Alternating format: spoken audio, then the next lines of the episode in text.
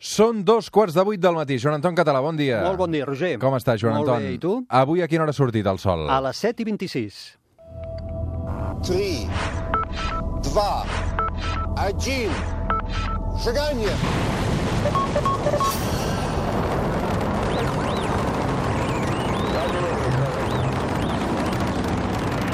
One small step for man. Prometto, merda. La Terra és plana, aquest espai que fem amb el Joan Anton Català cada diumenge a l'hora que surt el sol. De fet, fa tot just 4 minuts que el sol ens acompanya. I amb el Joan Anton Català, eh, ja ho sabeu, ell és la veu científica d'aquest programa, la veu astronòmica. Fa pocs mesos ha publicat Guia d'observació del cel per nois i noies, un llibre sensacional que, com bé sabeu, recomanem moltíssim, i més que mai ara que ve Sant Jordi, Joan Anton. Eh, fa unes setmanes vam anar a la presentació aquí a Barcelona. No sé si també n'estàs fent algun altre per Catalunya, però allà va ser un èxit, eh? Sí, va anar molt bé i us agraeixo, a més, a tot el Ah. programa. Va venir el Xavier Solà, que és un bon amic teu. Sí, sí, sí. De fet, estaré, seré a la nit dels ignorants d'aquí d'aquí uns dies per, per comentar coses. De tant en tant també et compartim amb el, amb el Xavier Solà. Uh, va, anem una mica als titulars d'aquesta setmana relacionats amb el món de, de l'astronomia. Um, a veure, hem llegit uh, al portal Earth and Sky que un grup d'astrònoms ha descobert dues galàxies que no tenen matèria fosca. Què vol dir això? Eh, bueno, recordes que en parlàvem de la famosa matèria fosca i que, que intentàvem entendre què era, que és un concepte complex. Doncs resulta que aquest estudi, que ja s'havia publicat fa un any, però va ser molt discutit per la comunitat científica, deia que havien descobert alguna galàxia que justament no en tenia, quan eh, el sentit comú ens diria que si existeix la matèria fosca, totes les galàxies n'haurien de tenir per allà a prop. Eh, llavors va ser molt discutit aquest estudi. Acaba de tornar a sortir el mateix estudi reformulat, amb noves dades que uh -huh. tornen a confirmar, o semblen confirmar, que evidentment, o efectivament, hi ha alguna galàxia que no en té de matèria fosca. I el que és més curiós d'això és que aquesta no existència de matèria fosca confirmaria que la matèria fosca existeix, perquè alguna Això de és, les... bo, és una notícia bona o és dolenta, Eh, aquesta? eh, no sé què dir-te, a veure, eh, jo diria que és, és continuista, és de status quo, en el sentit de dir, val, doncs vinga, seguim buscant la matèria fo fosca. Vull dir que no posa en crisi el mateix fet de l'existència de matèria fosca, que és el que podria revolucionar la física. Això simplement és una notícia de sí, sembla que existeix, perquè aquestes galàxies no en tenen, i el fet de que no en tinguin descarta alguna altra explicació que faria que la matèria fosca fos una invenció nostra, no? Per tant, ha d'existir la matèria fosca. Avui és dia 7 d'abril, amb el Joan Anton Català, és diumenge, però és que aquesta setmana ens hem fixat amb el dimecres, mirant el calendari. Què passa el dimecres? Que serà dia 11 d'abril i farà 49 anys d'aquest moment. Okay, Houston, we've had a problem here. This is Houston. Say again, please. Yes, uh, Houston, we've had a problem. We've had a main beam bus undervolt. Roger, main B undervolt. 49 anys del Houston, eh, tenim un problema, we had a problem, que és Sí. eh, eh, hem tingut un problema, no? Sí. Um, això és una de les frases segurament més famoses de la història de l'astronomia, juntament amb aquell petit pas per l'home, però gran pas per la humanitat. Això passava en aquella nau, l'Apolo 13, quan els seus tripulants van començar a ensumar-se que alguna cosa no anava bé, en el que aparentment era un viatge que tot anava molt bé, però de cop i volta tenim un problema, Houston. Sí, jo, jo la frase per això, que aquesta és la famosa, però fixa't que Houston contesta This is Houston, say it again. Vol dir, "Eh, perdona, torna-m'ho a dir. I l'altre, tenim un problema. A veure, um, avui recordarem aquell moment, Mhm. 49 anys després. Què va passar? Per què realment, uh, de quina manera es va traslladar aquest problema, Joan Anton? Val, mira, comencem potser amb, amb l'antecedent de l'Apolo 11. Sabem l'Apolo 11, que aquest any farà 50 anys de l'arribada de l'home a la Lluna, amb aquella competència que hi havia entre la Unió Soviètica, l'antiga Unió Soviètica i els Estats Units.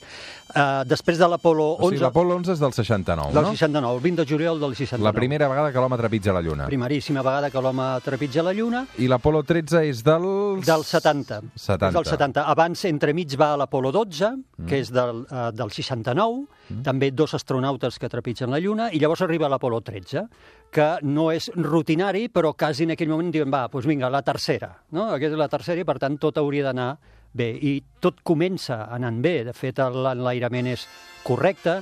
Han triat molt bons astronautes. De fet, el, el comandant de la tripulació, que es diu Jim Lowell, és eh, el mateix... Eh, va ser un tripulant de l'Apolo 8, per, que, no, que va girar al voltant de la Lluna, per tant, és un comandant experimentat, un astronauta experimentat, i sobretot, sobretot, el director de la missió a Houston és el mateix director, Jim Kantz, el mateix director que va fer eh, de director a l'Apolo 11. Per tant, un tio super, super experimentat i afortunadament tot això, com ara anirem explicant, fa que es poguessin salvar la vida d'aquests tres astronautes. Avui amb el Joan Anton Català recordem què va passar amb aquest Apollo 13. Amb aquest Houston tenim un problema.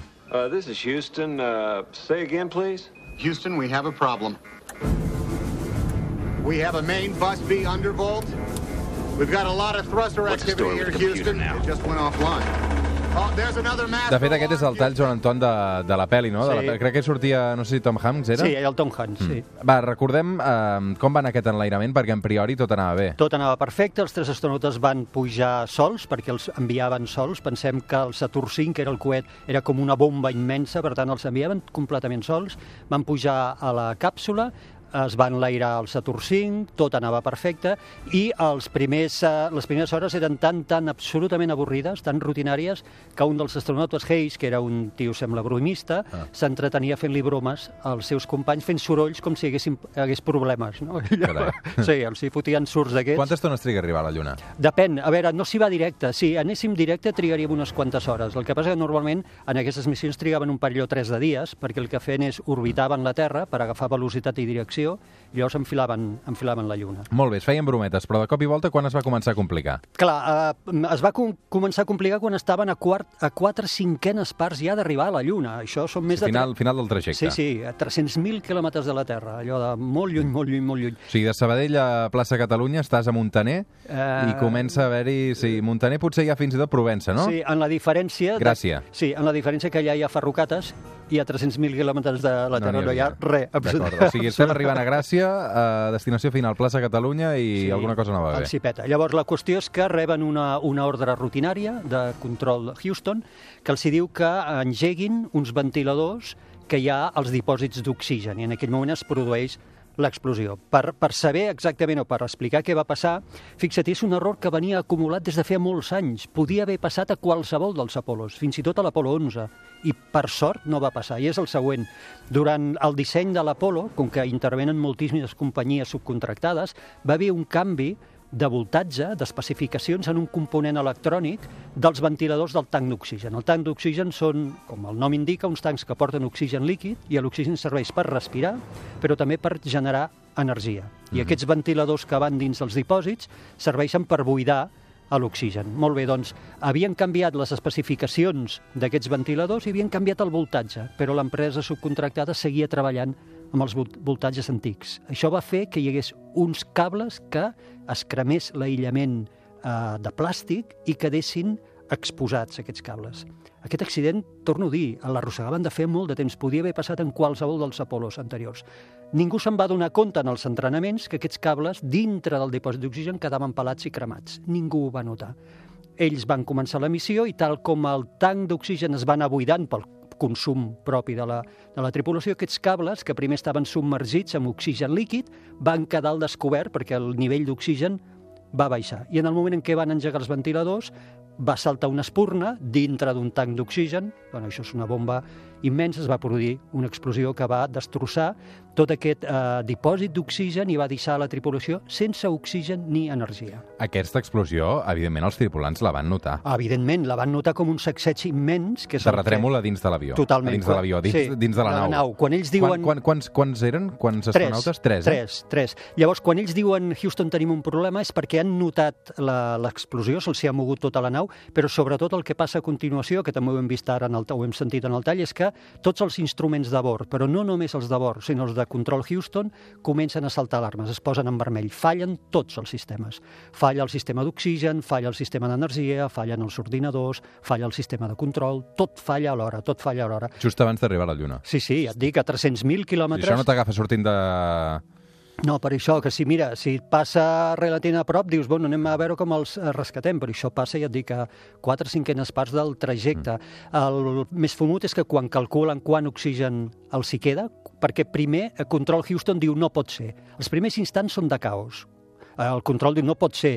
To, eh, imagina, tothom discutint, les alarmes que reben no saben interpretar-les, perquè són moltes, i constantment es van disparant alarmes. I el Jim Kantz, el director de la missió Houston, ha de posar ordre. Era un tio molt carismàtic, molt jeràrquic, però molt respectat, molt respectat. I va dir, escolta'm, ja prou, no, anem, no inventem més coses, ara calmem-nos, i anem a veure què hem de fer, anem a... però no juguem a adivinar, perquè ho empitjorarem. Llavors, a poc a poc se'n donen compte que realment el problema existeix. Havien arribat a sospitar que era simplement que les alarmes es disparaven s'havien disparat totes, però sense que existís realment un problema. Quan se n'adonen compte que hi ha un problema, analitzen i veuen que només queden apenes dues hores d'oxigen pels tres tripulants. Eh? I estan a 300.000 quilòmetres de la Terra. Bastantes hores de poder tornar. Molt bé, com se salven? Clar. Tres tripulants a punt d'arribar a la Lluna, perquè recordem-ho que al final és feliç, Sí, aquesta al història. final, afortunadament, és feliç. que només els queden dues hores d'oxigen, com s'aconsegueix des de la Terra crear un pla per salvar aquesta gent, que tornin? Clar. Perquè l'objectiu aleshores ja no és arribar a la Lluna, sinó que és tornar a Terra vius. Molt bé, has dit una cosa que és fonamental. Fixa't, són capaços de canviar l'objectiu. L'objectiu ja no és arribar a la Lluna, l'objectiu ara és salvar aquestes tres persones. Això no- nosaltres ho treballem molt en empreses, quan treballem aquest cas, perquè és una demostració de com pots canviar un pla sense improvisar, perquè improvisar és com si jo surto a tocar el violí aquí fora, que no en sé. Això és improvisar. Ells van ser capaços de canviar el pla perquè eren els millors, perquè tenien els millors enginyers, els millors científics, eh, el millor equip, el millor director i els millors astronautes. I això el que fa és que en poc temps, el temps que tenien, comencin a dissenyar un nou pla completament de zero, quan la NASA el que fa és els practica durant mesos, per veure com salven la vida de les persones i ho fan per etapes. I la primera etapa és, abans de veure com els farem tornar, que ni en tenim ni idea, anem a veure com els hi podem donar oxigen perquè no morin en dues hores. Aquesta és la primera prioritat. I el que fan és, aprofiten el mòdul lunar, que és com aquell ascensor que utilitzen els dos astronautes que finalment han de baixar a la Lluna per baixar i tornar a pujar, que és una part de la nau, que és una part molt fràgil. Està pensada només això, per transportar dos astronautes a la Lluna i no porta ni seients, no porta res, aquesta part. Però el que sí que porta és un subministrament propi d'oxigen. És un subministrament petit o reduït que està pensat per mantenir en vida els do- els dos astronautes que han de baixar i tornar a pujar de la Lluna. La primera ordre, per tant, que donen és traslladeu-vos els tres dins del mòdul lunar, que allà hi ha una mica més d'oxigen, i apagueu tots els sistemes per no consumir energia. Apagar tots els sistemes vol dir que es queden sense navegació automàtica i sense calefacció. Uau. Sí, la Quina temperatura... temperatura és allà dalt? Uh, allà dalt, baixíssim, ells arriben a, a 3 graus. Dins de la nau Dins a 3 graus. arriben a 3 graus perquè, òbviament, han mantingut la temperatura d'on en tot el viatge i a poc a poc es va refredar. Que 3 graus eh, és una temperatura freda, però que es pot aguantar. Sí, però ho passen malament, eh? Ho passen malament entre els nervis i, i la fredor, ho comencen a passar malament i es No van abrigats? Sí, es plantegen, ells dins no hi van normalment, però aquí es plantegen posar-se els tratges. Algun d'ells sembla que ho fa, però els, els, els altres dos crec que no ho fan per un tema de transpiració, perquè prefereixen tot i això no portar els tratges que els fa transpirar. La situació, a més, és, és gravíssima, perquè, com et dic, la part aquesta del mòdul lunar no porta ni seients. Està només preparada per uh, tenir dos astronautes durant les hores que triga aquesta cosa en baixar i tornar a pujar. De moment ja els hem traslladat aquí dins, tenen una mica més d'oxigen. Calculen quan oxigen ara els hi queda i veuen que no n'hi ha suficient per eh, fer el viatge de tornada. I han d'improvisar com faran aquest viatge de tornada sense apenes oxigen. I acaben decidint que el viatge segueixi cap a la Lluna, en lloc de fer-lo girar, que segueixin cap a la Lluna, desvien una mica la trajectòria, fan girar pel darrere de la, de la Lluna i fan que la Lluna, com en un joc de billar, expulsi per gravetat, cosa que utilitzem quan enviem naus molt lluny, expulsi a gran velocitat Que, I així guanyen terreny. així guanyen Brutal. hores. Quina així jugada, guanyen hores, jugada sí. mestra aquí, eh? Mestra. Això obliga, a més, com que no hi ha sistema de navegació, a que apuntin, atenció, per una finestra a vista. És a dir, rebotem contra la Lluna, engeguem un moment el motor per donar-nos impuls i passem pel darrere de la Lluna, guanyem velocitat i ara governem la nau durant uns moments mirant per la finestra la Terra allà llunyana perquè l'ordinador no el podem encendre. Això és de pel·lícula. Ah, bueno, Ja, mai més ben dit. Sí, sí, és de pel·lícula absoluta. Pensa que hi ha un moment en què Nixon, que era el president, demana que, que l'informin, perquè tot el món està pendent del que passarà. I el director de la NASA està a punt de dir-li, escolta'm, hi ha molt males perspectives. I Jim Kantz, que és el director de la missió, diu, perdoneu, digueu-li al president que la NASA convertirà això en el major èxit de la seva història després d'arribar a la Lluna. De fet, Nixon, eh, un cop ja superat eh, amb èxit aquesta missió, va fer un discurs també molt recordat. This is the most exciting, the most meaningful day I feel that what these men have done has been a great inspiration to all of us. How men react in adversity determines their true greatness, and these men have demonstrated that the American character is sound and strong. Amb aquesta solemnitat també que hi posa aquesta banda sonora, sí. uh, de fet el Nixon també fer un traient pit aquí, eh? Com Ah, que sí, la sí. nació americana aconsegueix Uah. rescatar tres grans astronautes eh, deixats de la mà de Déu allà Sí, sí, dalt. demostrant. Ah, vull saber com acaba la història. Surten Val. propulsats. Sí. Gràcies a la vista i a la finestra et diuen direcció a la Terra. però tenen un altre problema, que és molt greu també, que és que com que el mòdul lunar només estava preparat per dos astronautes, comença a acumular-se l'anhidrit carbònic, el CO2 de la res respiració de tres astronautes, i no tenen filtres eh, d'aire suficients com perquè eh, es filtri aquest CO2 i comencen a marejar-se i comencen a, diríem, a, a perdre, no el coneixement, estan a punt i veuen que moriran perquè no tenen filtres eh, que puguin eh, netejar a l'aire. I llavors el Gins Cans a Houston tanca uns enginyers que deuen ser els millors que tenen una sala i els hi dona, segons l'inventari, el mateix material que hi ha a la càpsula. Paper, eh, llapisos, tot el material de tot. I els hi diu que improvisin uns filtres, que no surtin d'aquella sala, que no improvisin uns filtres. Després de varis intents, surten en una, en una andròmina i triguen dues hores en retransmetre en els astronautes com fer-la i dues hores triguen els astronautes en fer-la. I això els hi, salva, els hi torna a salvar la vida. Amb cartró, amb llapisos, amb cinta aïllant, amb celo, construeixen, improvisen un filtre. Imagina, la NASA, eh? Sembla mentida la NASA treballant amb Celo, eh? Clar, eh, tot el que tenien, i afortunadament l'inventari estava, era correcte. L'inventari deia exactament quines, quines cosetes portaven dins de la nau per fer altres coses, lògicament per apuntar o pel que sigui.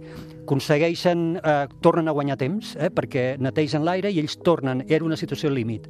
I llavors ja enfoquen a la Terra i l'únic que han de fer és una... Bueno, l'únic, han de fer una última correcció per entrar en l'angle precís, perquè si entren massa inclinats rebotaran contra l'atmosfera i es perdran a l'espai, i si entren massa directes s'estimbaran contra la Terra. Ells han de tornar a entrar a la càpsula de comandament, que és la que havien abandonat, freda, perquè és l'única part que pot retornar a la Terra, porta l'escut tèrmic, i engeguen els ordinadors que necessiten per l'últim moment. Ningú sap si aquests ordinadors s'engegaran, perquè han passat hores en el fred de l'espai.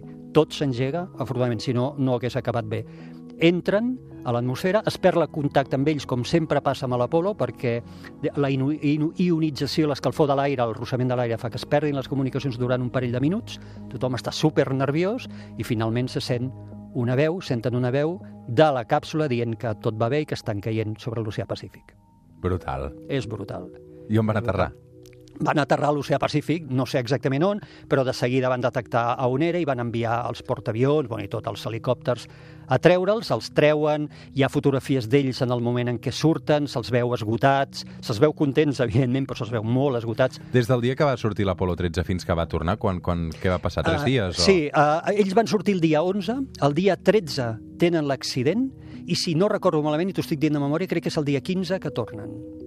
Si no recordo malament, eh? és a dir, el 13 tenen l'accident, el 15 crec que és el, el que tornen. I se'ls veu esgotats, pensa que un d'ells fins i tot va agafar una infecció d'orina allà dalt, suposo dels nervis, va tenir febre, l'altre astronauta el va haver d'abraçar i donar-li escalfor corporal. A veure, va ser una situació límit, límit, límit, que no, és que quasi no ens podem ni imaginar. T'haig de dir que la pel·li està molt bé, és molt fidel al que va passar. Mm. Uh, jo l'he vista diverses vegades i m'ha sorprès, evidentment, és una pel·lícula èpica, en el sentit americà, eh, de la, del terme èpic, no? però està molt ben, és molt fidel a la història del que, del que va passar. I realment la NASA va aconseguir convertir aquesta missió en, en èpica, això amb un paradigma del que és eh, canviar un pla i ser capaç tots plegats d'orientar-se tots en un nou objectiu. Aquests tres astronautes després van, van participar a altres missions No, d'aquesta mena? no, que jo sàpiga no, el que passa que es van dedicar alguns d'ells a donar conferències. Tu No, diràs, tu diràs si podies donar conferències. Sí, sí, sí, i tant, podien explicar el que volguessin. Um, per cert, com és que ara, ja l'any 2019, hi ha tant d'interès a tornar a trepitjar la Lluna? Ah, bona pregunta. Uh, hi ha un anunci que el, el que ha fet el Donald Trump. Uh, jo penso que aquí li hem donat poca importància. Jo l'estic traduint, l'estic subtitulant al català perquè m'he quedat molt impressionat de, del perill que significa aquest anunci. És un anunci en què compromet que l'home, eh, que l'americà tornarà a la Lluna l'any 2024 i un pot pensar, perfecte, tornem a la Lluna, però quan veus el discurs i veus el contingut del discurs, te'n dones compte de la raó. La raó és, bàsicament, han creat la sisena pota militar de les Forces Armades dels Estats Units, que es diu la Força eh, Especial Uh -huh. eh, Militar. Volen explotar els recursos de la Lluna, i ho diu així, volen, explotar, volen seguir... Quins recursos? La- la- L'aigua congelada? L'aigua congelada, i de fet eh, la- l'ordre a la NASA... Què volen portar l'aigua congelada cap aquí a la Terra? No, l'ordre exacta és cap a la NASA. Heu d'aterrar i no valen excuses. Els hi fum una bronca, que però és increïble. Ja heu trigat massa, ja heu incomplert un munt de vegades, ara heu d'anar al 24 i, a més, heu d'aterrar al pol sud de la Lluna, que és on hi ha aigua, dipòsits d'aigua amb els cràters, perquè aquesta aigua ens servirà per abastir la base permanent que hi posarem i el viatge cap a Mart. Val?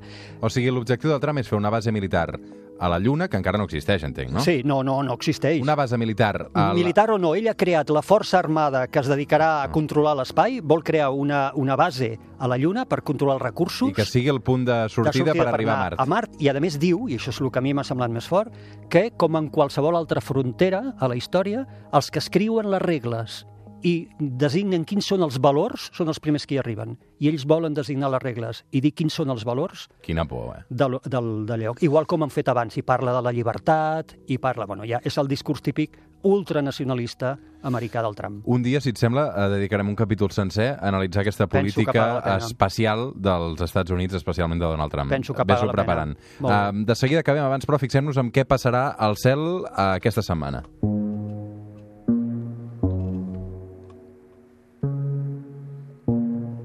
Perquè si aixequem la vista, Joan Anton, ens adonarem que precisament a Mart Exacte, i precisament la Lluna. Ah. Els dos. Tenim a la Lluna i a Mart ben a propet un de l'altre, entre el dia 8 i 9, eh, se situaran molt a prop visualment al, al vespre. Serà una lluna creixent, Mart ja ens va deixant, cada cop brilla més, però encara el podem veure al cel del vespre, brillant de color ataronjat. Per tant, tot el que parlàvem ara, Lluna i Mart, ben a propet. Gràcies, Joan Anton, una abraçada ben Gràcies, forta. igualment. Fem una pausa i tornem al suplement. Fins ara.